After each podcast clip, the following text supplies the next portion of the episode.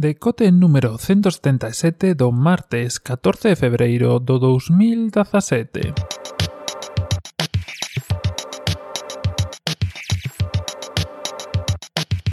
Bos días e benvidos a este novo decote, xa fai un tempo que non viñamos por aquí, pero volvemos, volvemos con forza, sempre se volve con forza, porque senón para que volver, non ten ningún sentido, e hoxe vimos falar de algo que nos quedou no tinteiro outra vez, falamos, eh, na última vez que estivemos por aquí, estivemos falando do curso de Scrum Manager que estiven facendo, xa estou titulado, xa podo exercer e darvos clases, nah, tanto non, pero xa podo falar e traballar e, bueno, introducir as mecánicas como Scrum Manager eh, nos entornos empresariais de desenvolvemento de software e xa que algún de vos mo pediu por algún comentario do blog, pois hoxe imos aproveitar e falar un pouco desto. Pode ser que sexa un pouco lioso, así que vou intentar ir despaciño e con Bopé falando de todo o que hai que falar. Pero para falar de todo iso, temos que empezar polo principio. E o principio de Scrum, de Kanban e de moitas outras metodoloxías que coñecemos hoxendía son o propio postulado das metodoloxías áxiles. Un postulado que, aínda que non volo creades, chegou máis tarde que o desenvolvemento das propias metodoloxías e que está, por máis que postulado, o manifesto áxil de marzo do 2001, onde 16 profesionales de, do software, porque ao final estas metodoloxías están pensadas para o desenvolvemento eh, de, sof de software, pois máis ou menos crean este manifesto áxil eh, que se centra sobre todo pois en catro principios. Catro principios que digamos que eh, centran todo o que vai despois. calquera outra metodoloxía ten que seguir estos principios. Eh, E que dice? Pois dicen que temos que valorar os individuos e a súa interacción eh, por riba dos procesos e as ferramentas. Isto é bastante interesante non sei se vos lo digo, pero é como un pouco filosofía. Tampouco fai falta que ahora nos sectemos aquí, que facamos desto unha secta, pero bueno. Os catro principios, como decía, eh, valorar aos individuos e a súa interacción por riba dos procesos e das, e das ferramentas. O software que funciona por riba da documentación exhaustiva, eh, a colaboración co cliente por riba da negociación contractual e a resposta ao cambio por riba do seguimento de un plan. Un pouco estos catro puntos eh, non din pois, por exemplo, que a documentación é exhaustiva ou que a documentación non sexa necesaria. O que din é que nunha balanza, se temos que poñer nunha balanza a colaboración co cliente ou o software que funciona por riba da documentación exhaustiva, pois é moito máis interesante eh, que haxa software que funciona e que logo se documente. Non hai que deixalo sin documentar. En xeral, os métodos áxiles o que buscan fronte aos métodos formais, que como se chaman os métodos, digamos, de toda a vida, eh, o que procuran é unha mellora continua dos procesos, do produto, que leve a entregar algo eh, funcionando ao cliente en vez de eh, retrasarse por temas pois que se podemos acuñar como burocráticos ou dese estilo. Por lo tanto, eh, sin esquecerse da parte máis burocrática, desa segunda parte das oracións que vos iba dicindo agora, danlle máis forza a primeira, as persoas, a entrega, o cliente... Digamos que nestes procesos o que queremos é que o produto e o cliente sexan o sea, que o produto este, se entregue e que o cliente estea contento, aínda que isto non se axuste exactamente ao papel que se firma. E máis, non se cree moito nese papel que se firma. Dentro destas metodoloxías, como vos decía, eh, podemos distinguir eh, moitos e diferentes métodos. Para que os fagades unha idea e teñades un pouco eh, en mente, por si algunha vez vos cruzades con algún deles, os máis coñecidos pois son evidentemente Scrum e Kanban, como vos decía, pero tamén está XP de programación extrema, Crystal, eh, tamén coñecido como Crystal Clear, que tamén é dos, pois como vos digo, dos, dos máis coñecidos, eh, Future Driven Development, FDD, moitos destos seguramente os coñecedes polas siglas. Eh, o método de desarrollo de sistemas dinámicos de SDM y o Feature, no, perdón, yo Lean Software Development, porque seguro que tamén LSD, que seguro que tamén coñecedes moitos del os tres máis coñecidos sobre todo por aquí, que son Lean, Kanban e Scrum.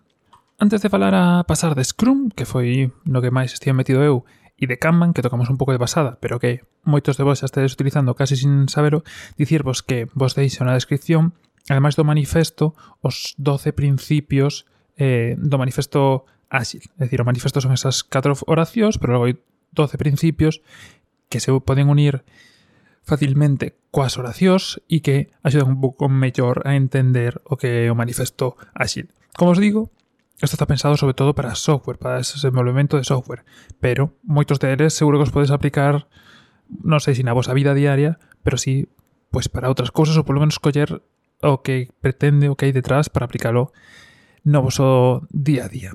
Dito isto, eh, faremos un pouco de Scrum. Como os dicía antes, eh, ainda co manifesto Áxil eh, do ano 2001, moitas das, eh, das formas de traballo, dos métodos de traballo que, que se recollen dentro deste son anteriores.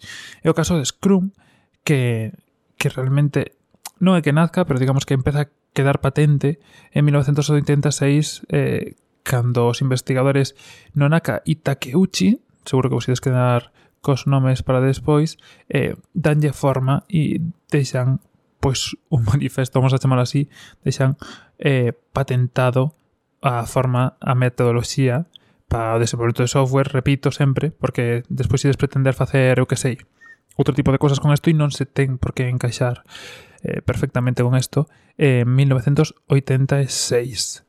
Evidentemente non podo entrar ao detalle máis eh, absoluto de todo isto, pero, pero para que os faigades unha idea, vamos falar dunha das partes de Scrum, que é o Scrum técnico, que son as reglas, que son as cousas básicas, que é por onde todo mundo debería empezar e seguir estrictamente para introducir Scrum na súa empresa, no seu sistema, na súa forma de traballar.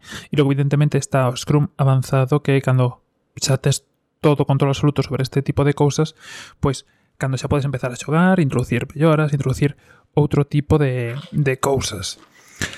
Para que entendades, dentro de, de, de Scrum eh, hai catro tipos de roles. Hai o rol do propietario do produto, Product Owner, que se coñece moitas veces, eh, está o rol, que non é un rol, é un grupo eh, do equipo de desarrollo, está o rol do Scrum Master e está o rol dos interesados. Eh, se utilizades ferramentas que están pensadas para esto, como Taiga, por exemplo, Taiga.io, que é unha ferramenta que, que, utilizamos nós, que xa ven predefinida para este tipo de cousas, xa ven con estos roles precargados para que a cada persoa que invites asignes un destos roles, pues así máis ou menos podes entender de, de que vai a cousa. Evidentemente, o propietario do produto, o product owner, é o que determina as prioridades e debería ser unha súa persoa, o equipo de desarrollo que é quen construe o produto, non ten moito máis, o Scrum Master, que o que xestiona e, digamos, eh, está no medio, sin estar no medio, a, eh, o árbitro, vamos a decirlo así,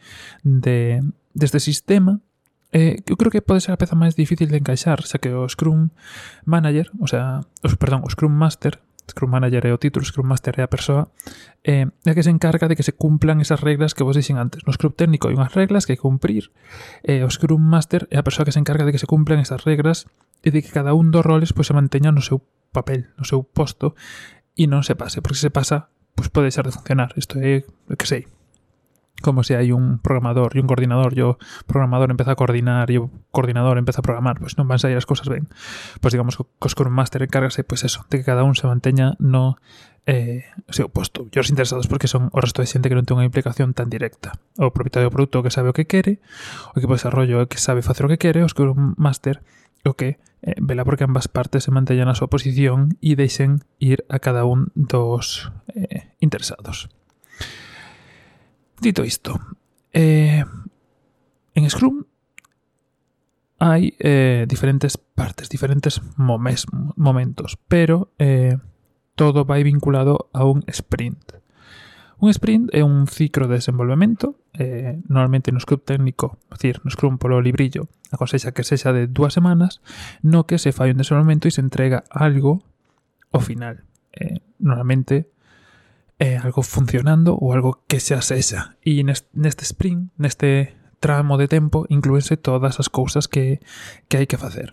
Así, dunha forma rápida, porque tampouco senón vamos a alargar isto moitísimo, digamos que temos unha pila de produto, que é un sitio onde se poñen todas as cousas necesarias. Se si algunha vez vistedes unha pizarra de Scrum, destas que teñen todos os posits aí, unha pila de produto sería todo, absolutamente todo o que quere facer o product owner, eh, o product owner tra traslada yo o equipo de desarrollo e o equipo de desarrollo converteo en tarefas en, esas, en esos posits.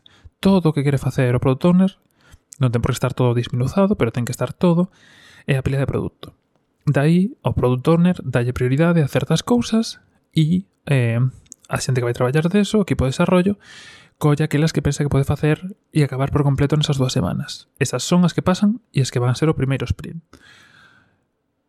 O product owner, unha vez que fai eso, pois desaparece, hai eh, reunións diarias de Scrum, normalmente a primeira hora para ver como se avanzaron as cousas e ao final de sprint hai unha entrega onde se presenta o product owner o produto o que se fixo eh, e unha retrospectiva onde se mira o que se pode mellorar do que se fixo. Como os digo, o interesante en Scrum ou o que máis prioriza non é tanto eh, que o produto sexa exactamente o que quería ao principio, sino que este satisfaco que quería o cliente, se entregue a tempo e crea algo de valor e funcional. Por eso é así, é decir, non é algo que vai pechado ao principio, sino que se está adaptando e creando en todo momento.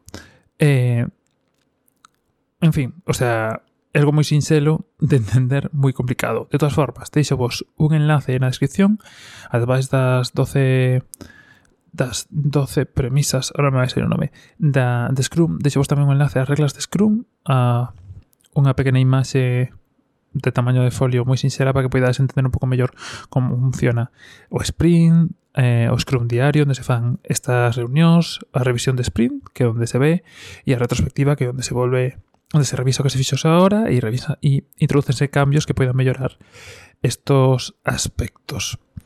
Eso sí, es Scrum, visto así rapidamente para non alongar isto demasiado. E quedaríamos a outra parte que é Kanban. Kanban seguro que coñecedes moitos máis, eh, simplemente porque está moito máis presente na nosa vida.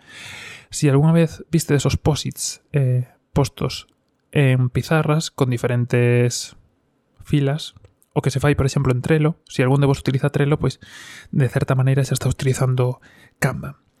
Pois, Kanban, para que teñades un pouco de historia, é un terminador ese xaponés, eh, en concreto, pois, ven de eh, Taichi Ono, que, bueno, en concreto este proceso ven das fábricas de Toyota, onde pois se utilizaban estas columnas, eh, creo que dicen filas antes, columnas, eh, para os procesos, para coordinar os procesos en cadea, na cadea de montaxe e ter así un pouco todo, posi ser posible verlo todo nun simple vistazo. Como funciona Kanban? Ben, Kanban eh, o máis sinxelo é pensar nun proceso moi sinxelo de columnas, onde temos unha columna de entrada, unha de en proceso e outra de saída.